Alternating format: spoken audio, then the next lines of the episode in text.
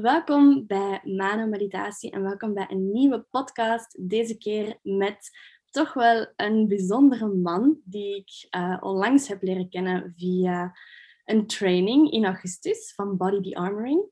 En hij is vandaag te gast via Zoom bij mij. En vooraleer dat we um, het gesprek starten en dat ik hem zichzelf ga laten voorstellen, gaan we samen even inchecken.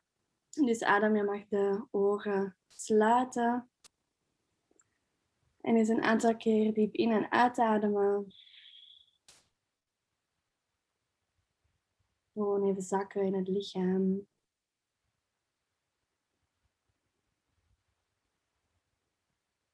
Zodanig dat we kunnen afstemmen op elkaars energie. Dat we afstemmen op wat dat er gezegd mag worden in dit gesprek vandaag.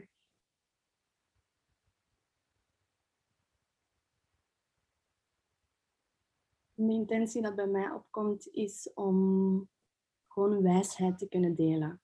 Om oprechte wijsheid vanuit, vanuit het hart, vanuit het lichaam, vanuit het universum te delen met elkaar, met de luisteraars. Is er nog iets dat jij graag zou willen toevoegen aan deze intentie? Um, nee, ik vind het een mooie intentie. En um, mijn intentie is om er met, uh, met openheid en uh, volledigheid in te gaan. Mooi. Goed. ah, dan mag je de ogen terug openen. En dan start ik heel graag met de vraag: wie ben jij, Adam? Wat doe jij? Kan je jezelf eens voorstellen voor de luisteraars? Mm -hmm. nou, mijn naam is uh, Adam Beker en um, samen met mijn, uh, mijn partner Suzanne uh, Voersgaard organiseren wij en faciliteren wij retreats, vooral gefocust op um, het hele van, van trauma's. Mijn um, partner is al meer dan tien jaar bezig uh, met, uh, met dit soort werk. Ze is uh, en um, en bodyworker. Um, dus de meeste van onze retreats zijn daarop gefocust, lichaamsgeoriënteerd therapeutisch werk. En onlangs zijn we begonnen ook om retraites aan te bieden die meer gefocust zijn op het, um, ja, hoe zou je het kunnen noemen, het, het werk wat je met jezelf doet. Dus, uh, dus ook gefocust op echt uh, gronding en uh, gecenterd zijn in jezelf. Um, en dat is dan ook weer meer waar mijn focus op ligt. Dus um, ik ben een aantal jaar geleden begonnen met wat, wat meer te verdiepen in, in tantra, in yoga, recent meer in Taoïstische um, um, methodes, dus Qigong, uh, dat soort practices. dus ik focus me vooral op hoe je je eigen lichaam en lichaamsgerichte practices kunt gebruiken om je, je mind, je lichaam uh, en je energie meer in, uh, in één lijn te krijgen en, en de energiestromen in je lichaam te, te verbeteren. Dus dat is in een in een notendop waar, uh, waar ik me op focus. Ja. ja, leuk. En wat, zijn, wat is iets waar je op dit moment um, dieper in aan het duiken bent? Iets dat jou bezighoudt in connectie met jezelf op dit moment? Mm -hmm. Nou, een, een van de dingen waar ik heel erg gepassioneerd over ben op dit moment is, uh, het komt vanuit de Qigong, is de standing uh, practice. Dus um, zij noemen het uh, Zhan Zhuang en het staat voor standing like a, like a tree. Dus eigenlijk het, de essentie van de practice is eigenlijk heel simpel. En dat is ook het ding wat ik steeds meer ontdek in mezelf. Dat hoe simpeler je het houdt, hoe, hoe effectiever en, en hoe dieper de, de practice kan gaan. Um, en, en deze practice, ja, je, de, de meest simpele variant is dat je gewoon puur staat voor een langere periode uh, van tijd. Uh, dus een aantal minuten tot zelfs een half uur of soms 45 minuten. Ehm, en dat je in die tijd gewoon heel bewust voelt van wat er in je lijf gebeurt, hoe de energiestroom is, waar de blokkades zitten, waar de spanningen zitten, waar je niet stabiel genoeg staat. Ehm, en het is ja, elke keer weer heel interessant om te, te voelen en te ervaren hoe, hoe je lichaam eigenlijk zichzelf constant corrigeert als je het gewoon de ruimte geeft. En dat is voor mij ook weer een, een, een mooie um, metafoor voor bijvoorbeeld ook weer het proceswerk uh, wat we ook doen. Is dat het, hoe meer je zelf met je mind uit de weg kunt gaan en het lichaam het werk kunt laten doen, uh, hoe alles eigenlijk een, een zelfhelende capaciteit heeft. Dus dat, uh, dat is een van de dingen waar ik op dit moment heel erg uh, gepassioneerd over ben. Ja, ja, en ik heb natuurlijk de, uh, de retreat bij jullie meegedaan in augustus eentje, maar dan ook net onlangs in oktober, de Embody Yourself Retreat. En daar hebben we die standing practice uiteraard gedaan. En ik was daar al een beetje bekend mee via uh, een vriend van mij, die ook die standing tree uh, practice doet en dat ook al gedeeld had met mij.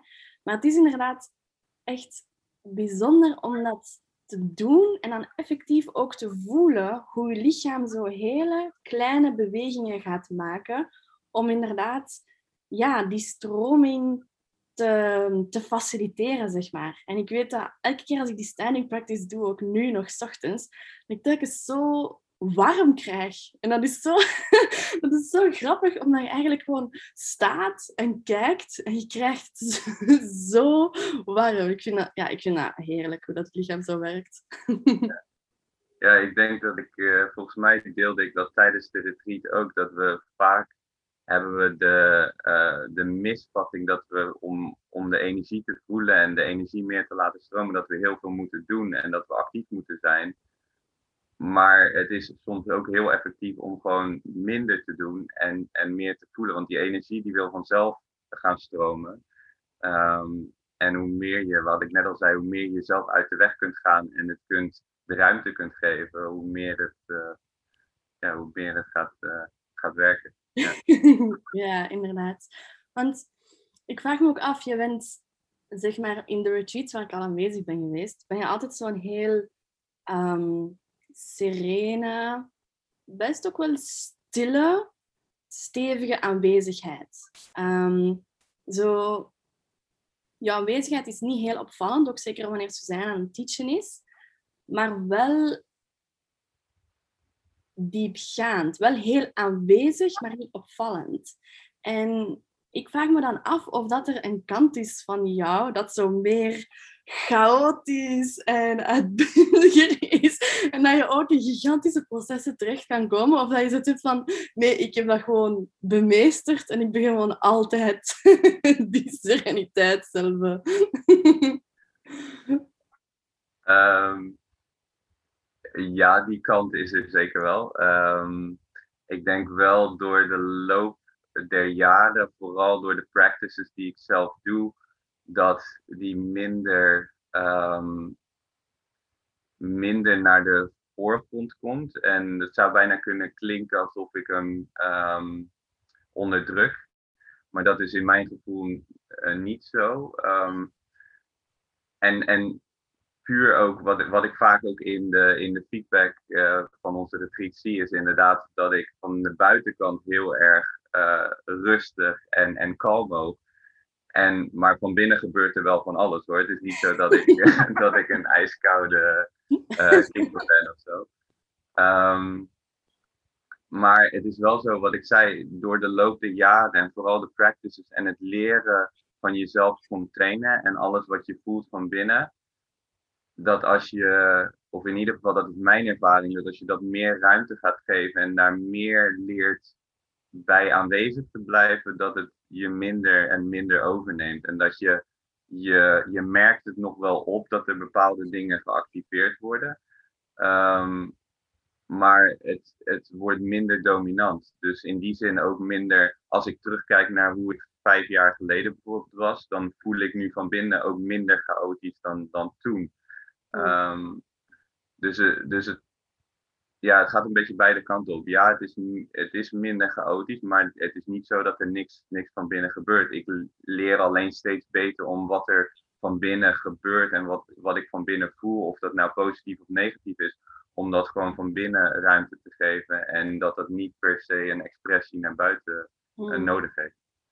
Ja. Dat is het beste hoe ik het eh, zou kunnen omschrijven. ja, want zijn er bepaalde um, practices dat jij doet, zeg maar naast de practices die voor mij eerder rond uh, stilte en awareness gaan, zijn er practices dat jij doet om wel degelijk meer uh, beweging te brengen? Misschien iets zoals tekenen of schilderen of een bepaalde soort sport waar wel heel veel uiterlijke beweging ook is?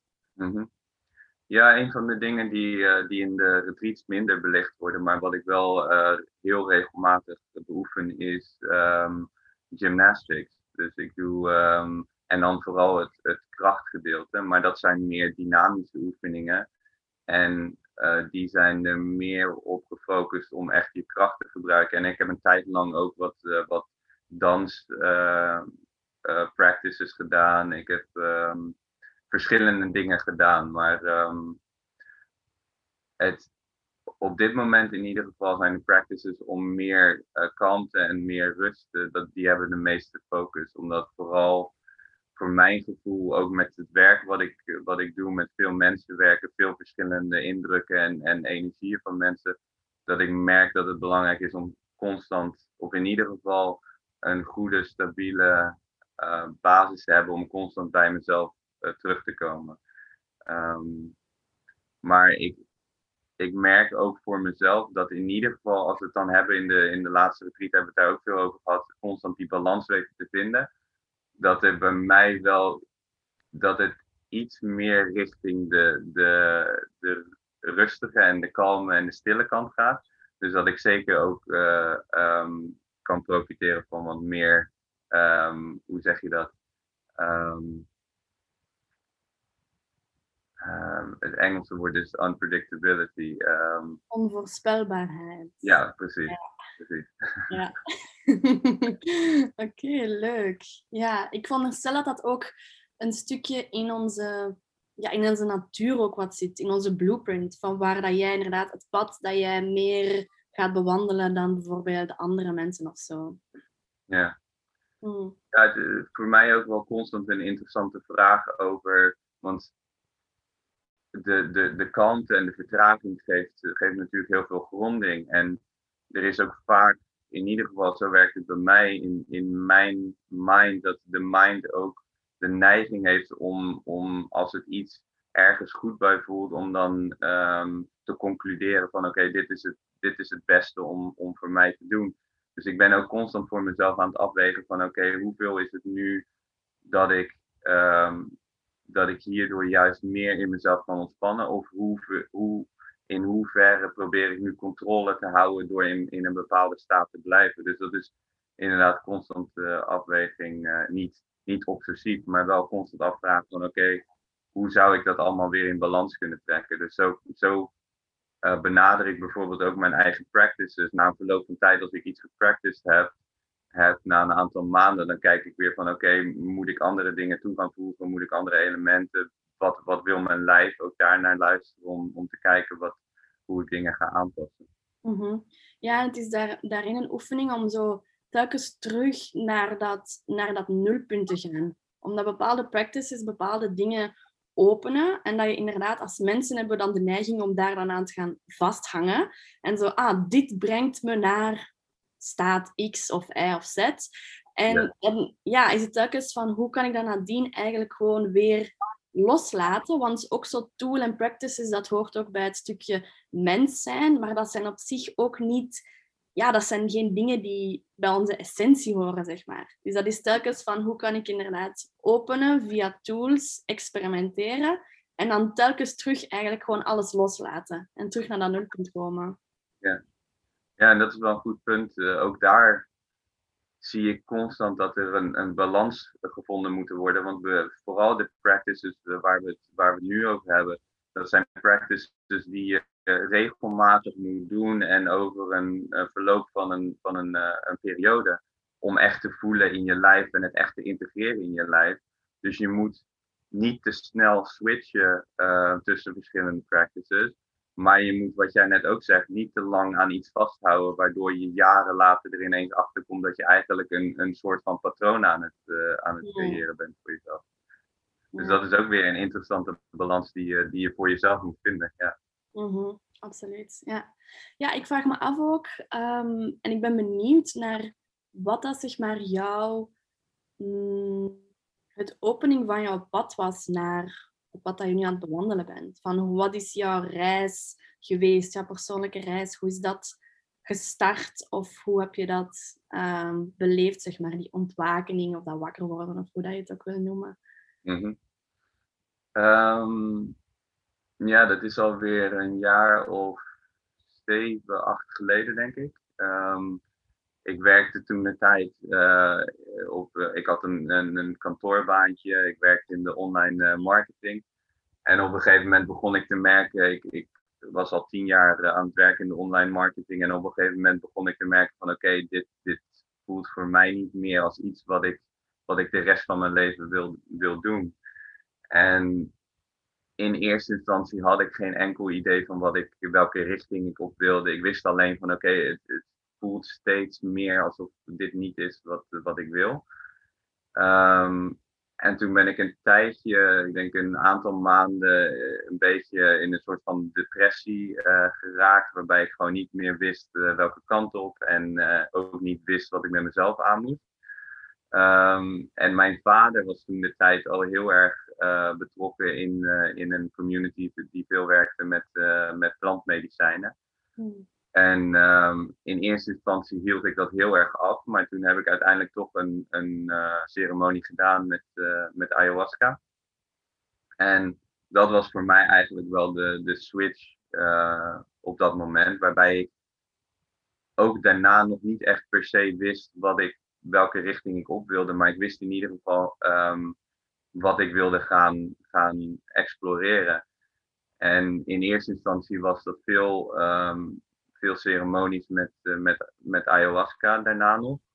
Uh, daarna ben ik meer gaan kijken naar, naar practices um, die ik zelf kon doen zonder plantmedicijnen. Dus ik ben heel erg gaan verdiepen in, in tantra in eerste instantie. Um, veel um, daarna een training, een yoga teacher training. en dat allemaal met, met zeg maar de intentie om voor mezelf te ontdekken wat, wat practices zijn die ik zou willen integreren in mijn, in mijn eigen leven. Um, daarna ben ik heel erg bezig geweest met, uh, met ademwerk en ademen en, en niet per se het, het shaman, shamanistische en transformational breathwork, maar meer hoe kan ik zo efficiënt mogelijk uh, ademhalen. Um, ja, en, en van het een kwam het ander. En van de ene practice rolde ik in de ander. En wat ik voor mezelf heel erg interessant vond, is omdat ik alles eigenlijk, alle practices die ik doe, bekijk van, vanuit voornamelijk de energetische kant. Dus wat doet het energetisch in het lijf en hoe, hoe kan ik het lijf meer en meer openen om die, die energie ruimte te geven, begon ik steeds meer te merken dat, dat al die practices vanuit de tantra, vanuit de yoga, vanuit het uh, Taoïsme, dat ze verschillende methodes hebben, maar wel allemaal um, wijzen naar hetzelfde en eigenlijk proberen hetzelfde, um, um, hetzelfde duidelijk te maken door, door middel van je eigen ervaring, door die, die, die practices. Dus ja, dus nu, nu ben ik op het punt waarbij ik vanuit al die verschillende methodes en al die verschillende disciplines kijk van oké, wat past er het best bij mij en welke dingen haal ik eruit en welke dingen wil ik in, in mijn werk dan ook weer uh, doorgeven aan, uh, aan de mensen die bij ons uh, in de retreats komen. Ja. ja, cool. Dat is interessant om zo te horen dat je inderdaad zo die focus hebt op die, um, op die practices, wat eigenlijk heel ja, uiteraard praktisch is en zo heel aards, zo heel erg in, uh, in do-modus eigenlijk.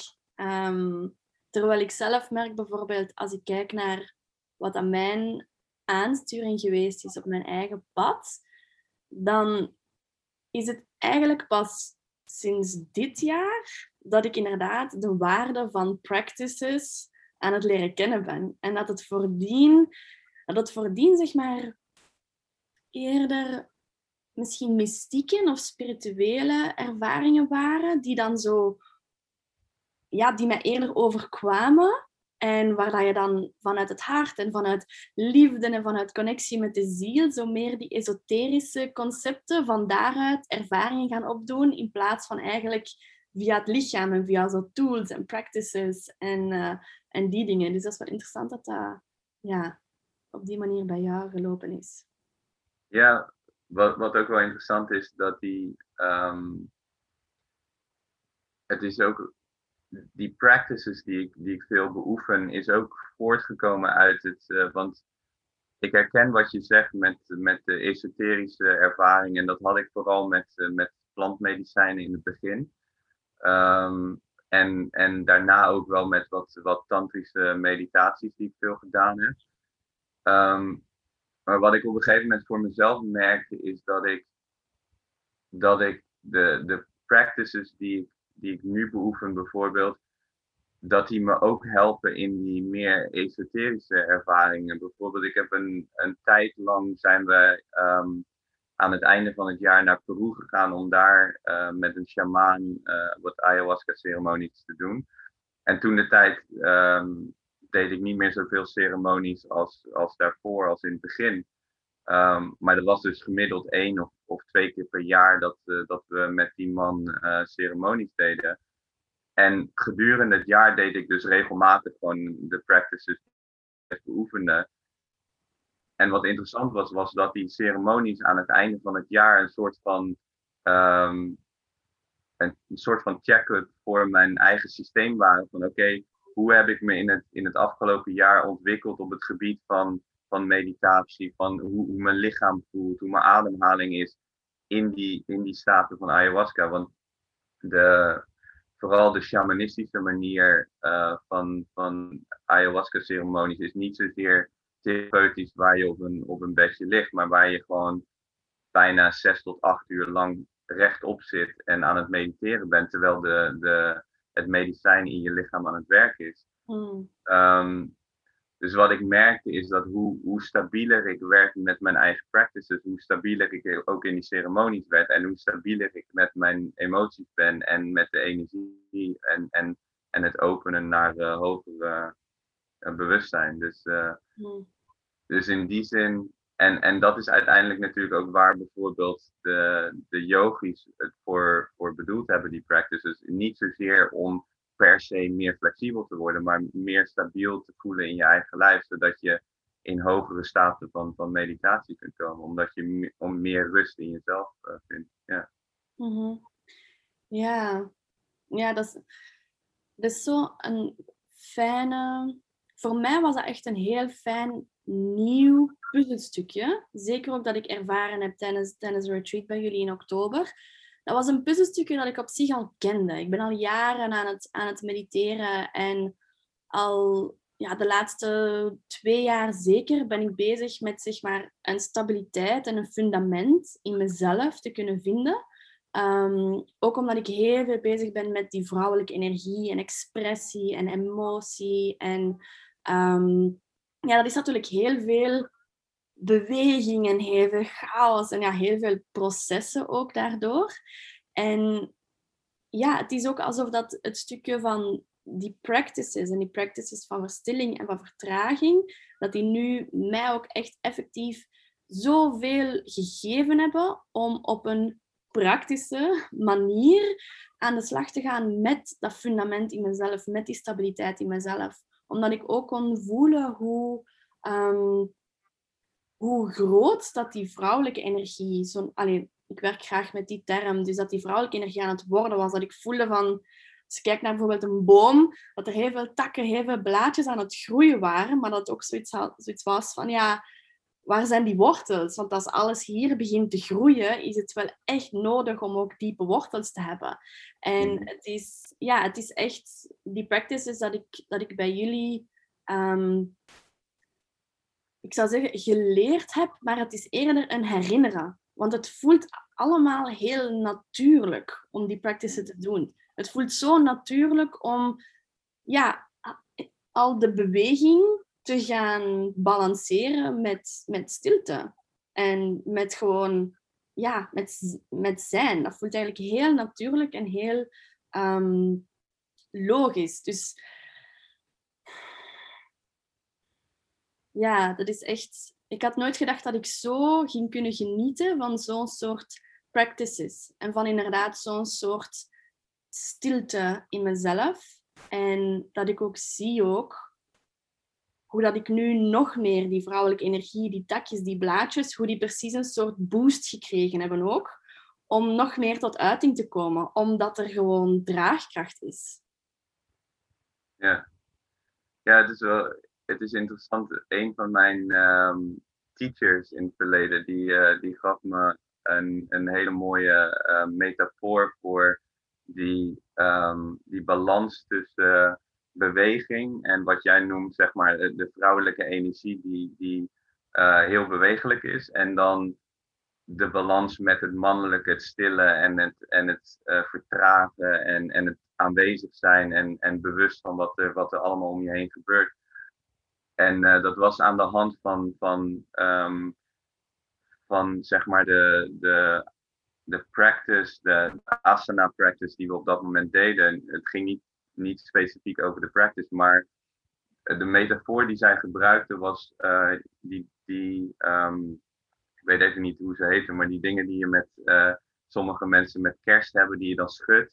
En waarbij al het sneeuw, zeg maar. Uh, oh ja, zoals ja, een, um, ja, zo'n glazen, glazen bolletje. Waar dat ja, ja, ja, ja. En wat zij zei is dat je eigenlijk in het bewegelijke deel uh, van, van de practice dan, maar je kan dat zien als ook een ceremonie of uh, een dans uh, practice, maar in het bewegelijke deel van, van welke practice dan ook, schud je eigenlijk die bol heen en weer, waardoor alles los kan komen. Mm. Maar dan vervolgens heb je de stilte nodig om die sneeuw rustig weer allemaal op zijn plaats te laten komen, zodat alles op de juiste plaats, zeg maar, in jezelf weer geïntegreerd wordt.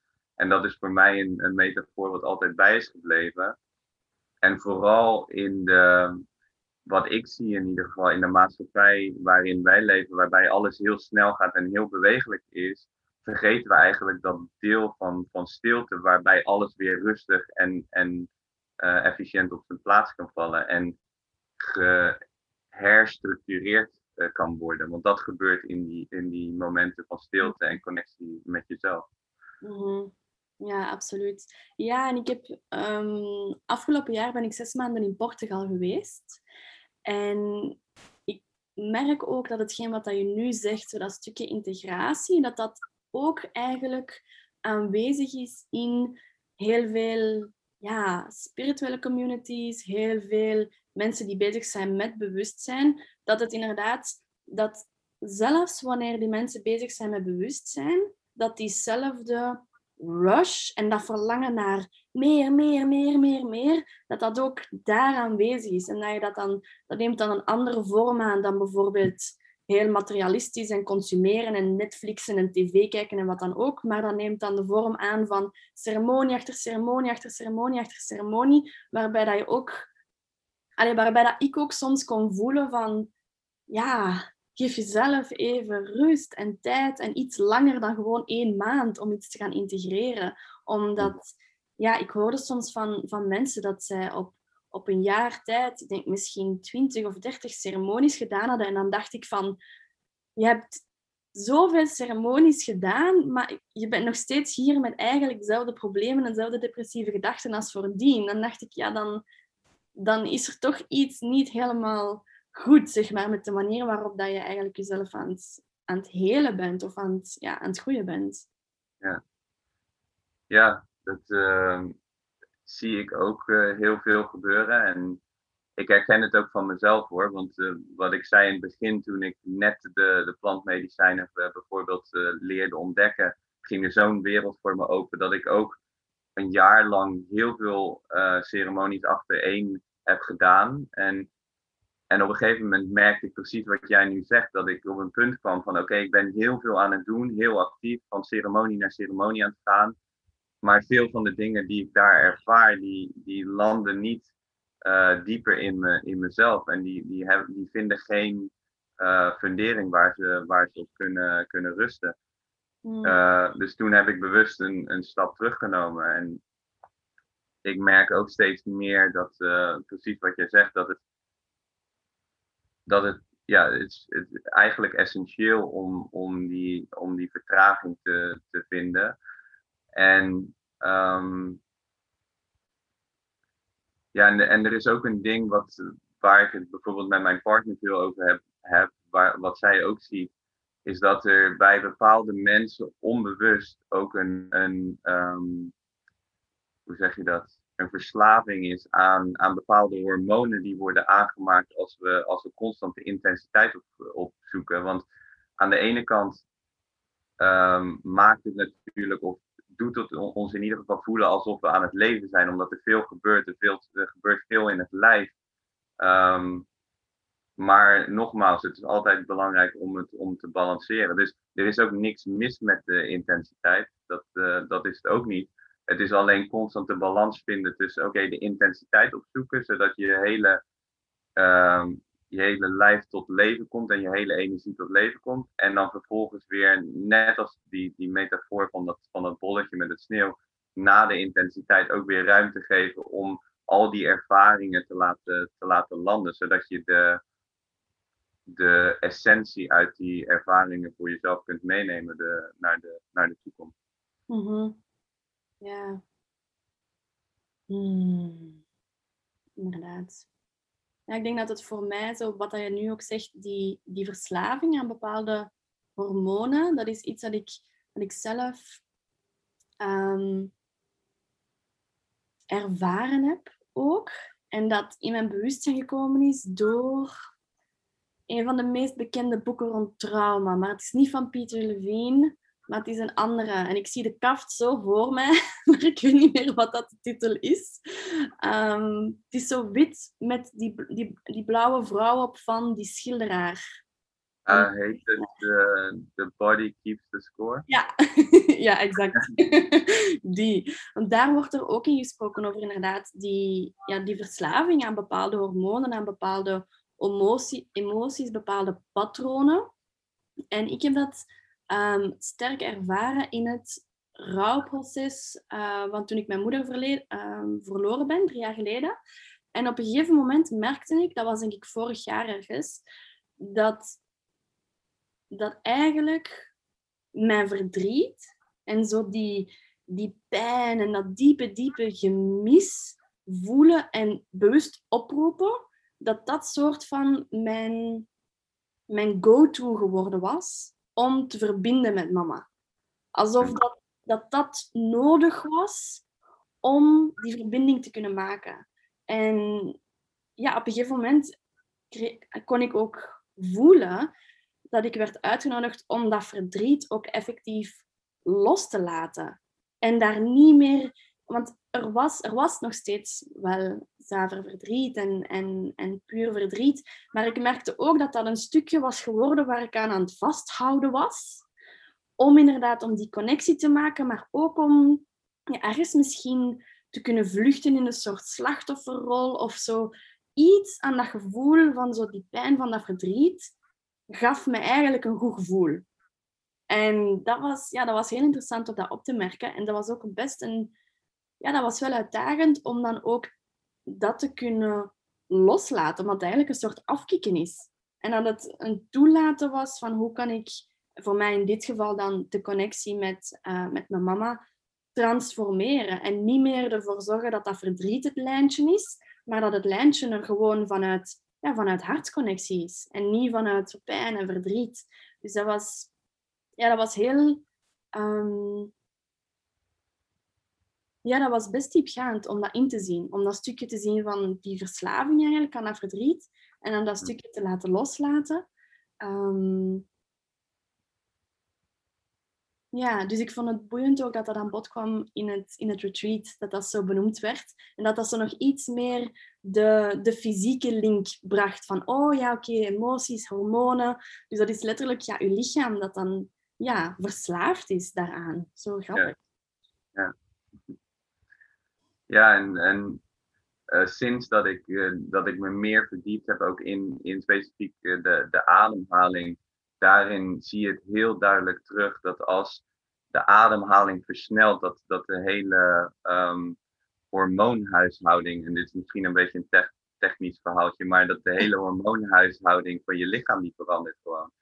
Dus inderdaad, als je constant, um, ja, constant in situaties bent waarbij je heftige emoties voelt of waarbij veel intensiteit is, dan worden er constant worden er, worden er hormonen als adrenaline en cortisol in je lichaam aangemaakt. Um, en net als met, met andere drugs waar je, waar je verslaafd aan kunt worden, kun je, kun je daar dus ook uh, mentaal en, en lichamelijk, fysiek zelf verslaafd aan raken. Ja. -hmm.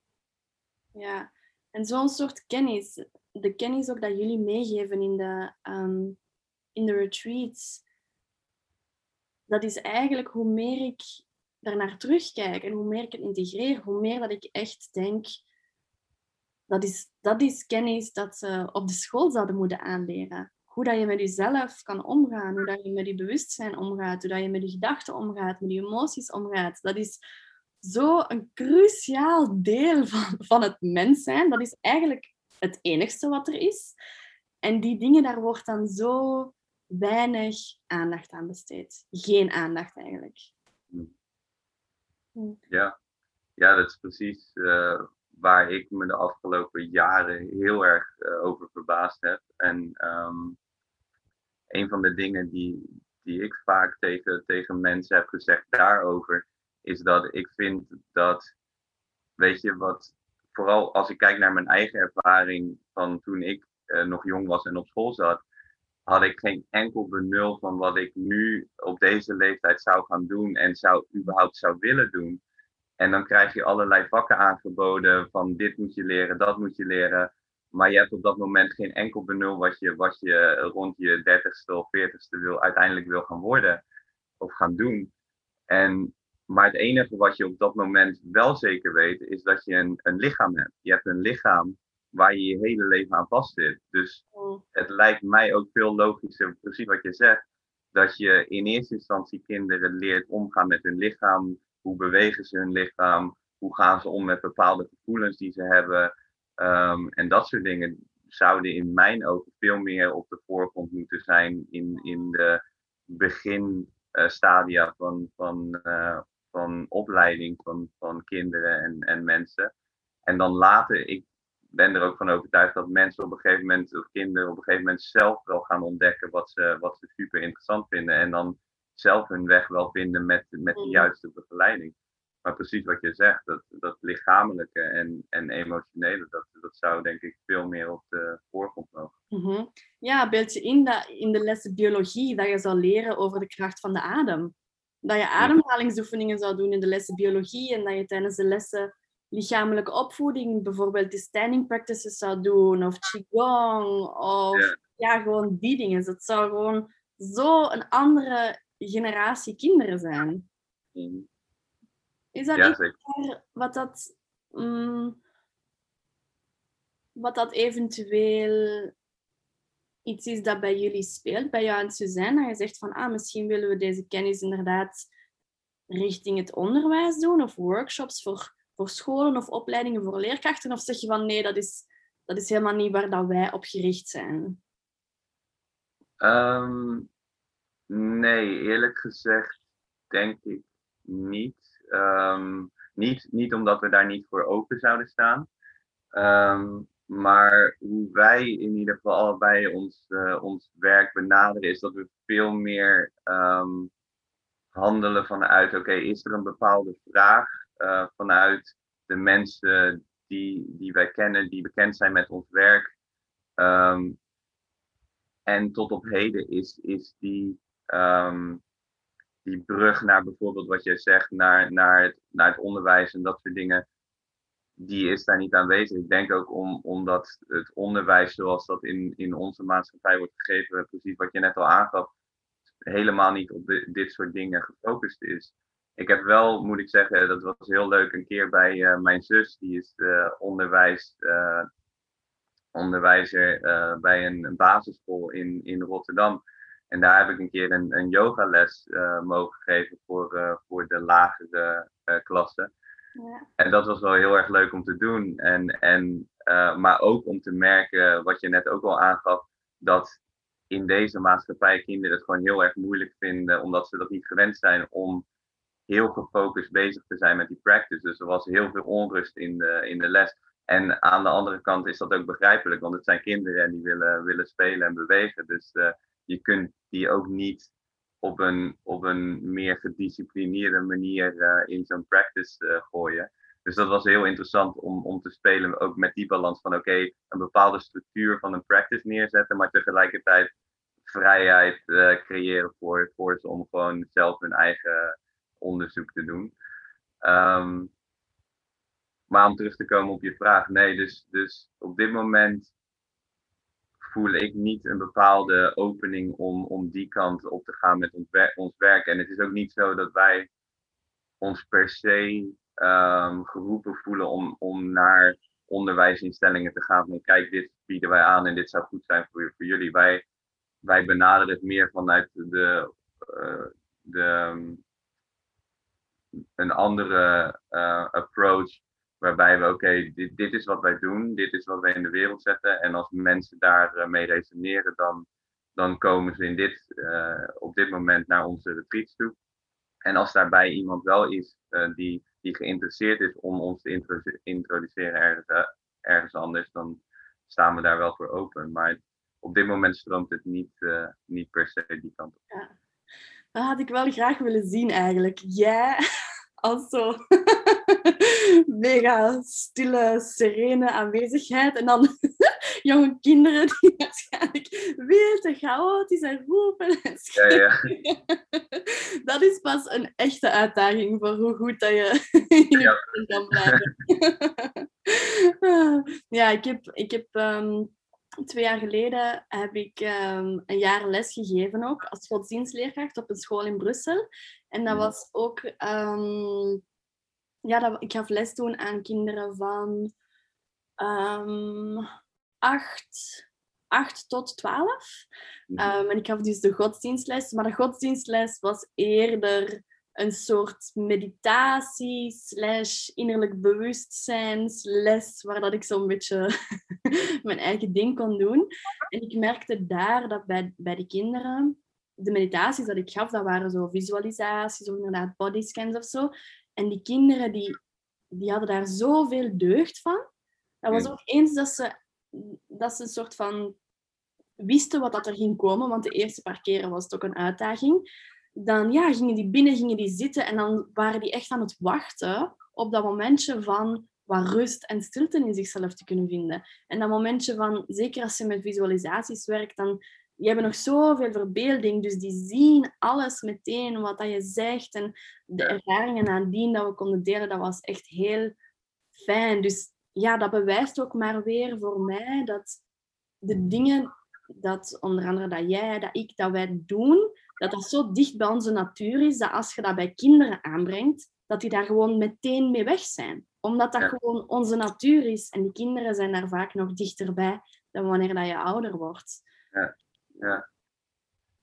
Ja, ik denk dat ook heel erg um, aansluit bij een van de dingen die we ook tijdens de, uh, de retreat, de laatste retreat hebben aangehaald, is dat vaak op latere leeftijd dat uh, al die dingen die natuurlijk zouden moeten, moeten zijn in het lichaam en natuurlijk zouden moeten gebeuren in het lichaam, dat die onderbroken worden. Niet per se omdat het lichaam niet meer weet wat het moet doen of, of of je zijn niet meer weet hoe dat, hoe dat werkt. Maar dat eigenlijk wij bewust met, of onbewust ook met onze mind die processen onderbreken. En als we, als we leren steeds meer de mind opzij te zetten en, en de natuurlijke stroom van, van ons lichaam uh, het, het over te laten nemen, dat, dat we precies wat je zegt over de kinderen, dat we van nature gewoon weten van oké, dit, is, dit is hoe het werkt. En, en dan mm. vindt vindt het lichaam uh, zelf weer de balans,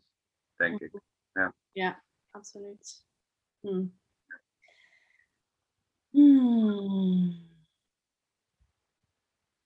Ik ben benieuwd ook naar de de visie of de missie van de Gaia Method. Omdat ik ehm, ja en Suzanne nu verschillende keren al heb horen zeggen in de retreat dat dat idee van ons lichaam is een kristal. En we zijn alles aan het doen om dat eigenlijk zo gekristalliseerd mogelijk terug te brengen. Zo goed mogelijk naar die, die meest zuivere uh, staat, veronderstel ik dan.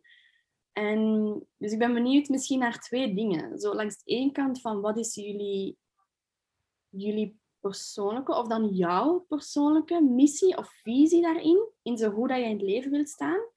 En hoe is dat dan gelinkt met wat dat je met de Gaia-methode doet? Ik veronderstel dat het uiteraard overlappend is, maar het is misschien wel fijn om zo die nuance te brengen van wat dat, ja, wat dat voor jou zo echt je missie is hier, dat jij voelt.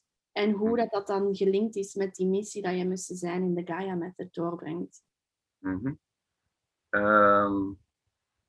Goed, dat is een, uh, een diepe vraag. Um, even kijken. Um, ja, dat, dat wat jij zegt over die, uh, dat, dat ons lichaam eigenlijk in essentie gelijk is aan, aan een kristal. Um, dat, zijn, dat zijn bijvoorbeeld dingen die we sinds een, het laatste jaar, anderhalf jaar meer aan het onderzoeken zijn en, en meer aan het ontdekken zijn. Dat is meer de, de wetenschappelijke kant. Dus dat is niet de, de kant waar ik direct het meest, um, um, meeste kennis van heb, bijvoorbeeld. Maar dit is wat wij van verschillende mensen die wij op dit moment volgen horen. Dat de samenstelling van ons lijf, als je gaat kijken naar alle, alle, um, alle hoe zeg je dat, building blocks, Um, bouwstenen. Bouwstenen, precies. Um, van ons lichaam, dan zie je dezelfde dingen schijn, schijnen terug te komen als de bouwstenen van, van kristallen. En dit heeft betrekking tot een van de practices uh, die we op dit moment veel doen, is met uh, het tonen um, van bepaalde klanken met je, met je stem. Um, en de man die ons daarin in, um, in wegwijs maakt, zeg maar, die benadrukt constant dat de tonen die je, die je maakt met je, met je, met je stem, uh, met je geluid op dat moment in die practices, dat gaat eigenlijk vibreren met, met de cellen in je lichaam. En um, door het vibreren van, van de cellen gaat de energie weer stromen en open je eigenlijk het, ene, het, het centrale energiekanaal uh, in je lichaam. En um, ja, ga je eigenlijk steeds meer terug, hoe meer je die practices doet, naar je natuurlijke staat van zijn. Welke dan veel meer um, gelukzaligheid en, en bliss en, en dat soort uh, emoties uh, op, opbrengt. Um, dus als je vraagt over mijn missie, um, dan zie ik vooral dat voor me. Dat ik, dat ik in ieder geval persoonlijk vlak voor mezelf met alles wat ik doe steeds meer mijn energiesysteem probeer te openen, zodat ik, en dat klinkt misschien een beetje um, esoterisch, maar het is eigenlijk heel erg gegrond dat ik, dat ik steeds meer een kanaal kan zijn voor de, de universele energie om door mijn lijf te stromen, zodat dat expressie kan vinden in deze, in deze wereld. En dan ook heb ik persoonlijk de, de intentie dat ik daar zo min mogelijk een bepaalde richting aan probeer te geven met mijn, met mijn mind. Omdat ik dan denk dat het te veel voort kan komen uit ideeën die ik heb in plaats van wat het daadwerkelijk wil, uh, wil manifesteren. Dus ja, ik heb er wel bepaalde ideeën bij, uh, maar ik probeer die ook regelmatig los te laten, zodat zodat het spontaan blijft en, en niet gebaseerd op, op mijn ego van wat ik zou willen of wat ik denk dat zou moeten. Um, en ja, dan, dan wat ik heel sterk voel is dat ik die, die kennis en die practices en, en de dingen die ik onderzoek en vooral de dingen die ik waarvan ik leer dat ze, dat ze essentieel zijn om dat systeem steeds meer te openen, om dat dan ook te delen met mensen. En om daarmee uiteindelijk, um, uiteindelijk een, een bepaalde um, community of, of, of een maatschappij te, te bouwen, zonder dat we, dat we dat te veel doen vanuit een, een, um, een do-modus, maar meer vanuit een oké wat we in de, retreat ook al zeiden, vanuit een zijn. Van oké, gewoon steeds meer rusten in jezelf. Zodat je de connectie met jezelf kunt voelen. En van daaruit ook steeds meer de connectie met een ander. Hmm. Ehm, ja, dus ik denk dat dat de essentie is van, van waar ik zelf persoonlijk constant naar op, zoek ben. Hoe kan ik meer verbinden met mezelf, mezelf meer openen voor alles wat er is. En van daaruit verbinden met de mensen om me heen zodat we een meer verbonden uh, samenleving uh, langzaam creëren. Dat, uh, en ja, dat, dat zie ik ook heel erg terugkomen in het werk wat, wat ik dus met, met mijn partner doe. Um, waar haar um, focus meer gericht is op, op therapeutisch werk. Wat uiteindelijk natuurlijk ook mensen meer in verbinding met zichzelf brengen. Dus, dus van haar is het meer vanuit therapeutisch en ook seksueel werk en, en energetisch werk. En van mijn, mijn focus ligt meer op de, je zou het kunnen noemen, de spiritual practices. Dus eigenlijk brengen we die twee takken samen in, in essentie. De, de, de spirituele kant en dan de therapeutische kant. En, en die proberen we steeds meer eh, naar elkaar toe te trekken. Mm Ja, ja, super fijn. En dat is heel, heel duidelijk in de retreats. En ook denk ik een stuk van waarom dat zij zo krachtig zijn voor de mensen die, die, die ze meedoen. Um, en ik denk dat dit een fijne, fijne noot is om mee af te sluiten. We hebben eigenlijk dan het, het stukje dat we in het begin benoemd hebben van dat telkens openen en dan terug loslaten en terug naar dat evenwicht komen is eigenlijk nu dan weer teruggekomen. Ook in jouw um, jouw persoonlijke pad, jouw persoonlijke missie. Dus ik denk dat het fijn is om dan uh, hier af te sluiten. Zijn er nog dingen dat jij zou willen um, delen? Dingen die nu opkomen dat je zegt van, oh, dat wil ik toch nog graag um, delen met de luisteraars nu? Mm. Nee, ik denk uh, het gevoel wat ik op dit moment heb is precies wat je zegt. Dat we een soort van volledige cirkel hebben gemaakt en uh, en het voelt uh, uh, redelijk compleet voor mij. Ja. ja. Zijn er nog bepaalde retreats of trainingen van de Gaia Method dat je graag um, zou willen delen met de luisteraars nu? Wel rekening houdend met dat de podcast waarschijnlijk pas in een maand of twee online zou komen. Dus misschien okay. best van wat dat in 2022 misschien um, zou komen. Ja, um, ja, we zijn op dit moment nog bezig met, uh, met alles organiseren voor, uh, voor volgend jaar, voor 2022. Um, Eén ding wat wel vaststaat is dat we een uh, practitioner training gaan aanbieden um, van 1 tot 11 mei. Um, en dat wordt dus 11 dagen waarbij we echt gaan focussen op mensen die professioneel dit werk willen gaan doen. Dus onze retreats zijn veel meer open voor professionals, maar ook mensen die daar voornamelijk voor hun eigen proces komen. Maar deze, deze training is echt uh, gefocust op, op uh, professionals. Um, dus dat is één ding wat, wat al vaststaat voor, uh, voor het komende jaar. En de andere retreats, ja, normaal gesproken hebben we vier verschillende thema's die we aanbieden: de full body de-armoring, sexual de-armoring, uh, female sexuality en dan embody yourself. En hoogstwaarschijnlijk uh, gaan die nog wel komen, maar die moeten nog ingepland worden. Dus we hebben nog geen specifieke data daarvoor. Ja, oké, leuk. En als mensen graag in contact komen met jou of met gewoon het werk dat je doet met Suzanne, hoe kunnen ze jou het beste vinden? ze kunnen of naar de website van de Gaia Method gaan. Dat is de-gaia-method.com. Of als ze direct met ons in contact willen komen, dan kunnen ze eh, een mailtje sturen naar contact at de-gaia-method.com. Yes, oké, goed. En ik zal de, de link naar de website sowieso uh, in de notes van de podcast zetten. Mm -hmm. ah, goed, dan, um, dan is dat denk ik dan is dat alles voor de podcast van vandaag, voor ons gesprek. Dan wil ik jou, voor ik afsluit, nog super hard bedanken voor dit gesprek en voor jouw openheid en voor jouw wijsheid. Ik keek erg uit naar dit gesprek, omdat ik heel benieuwd was wat dat eruit ging komen. dus dank je wel om, uh, om hier te zijn samen met mij en met de luisteraars. Jij ook bedankt. en voor de luisteraars, als je deze podcast leuk vond, als het jou geïnspireerd heeft, aarzel zeker niet om de podcast verder te delen met anderen of om in contact te komen met mij of met Adam.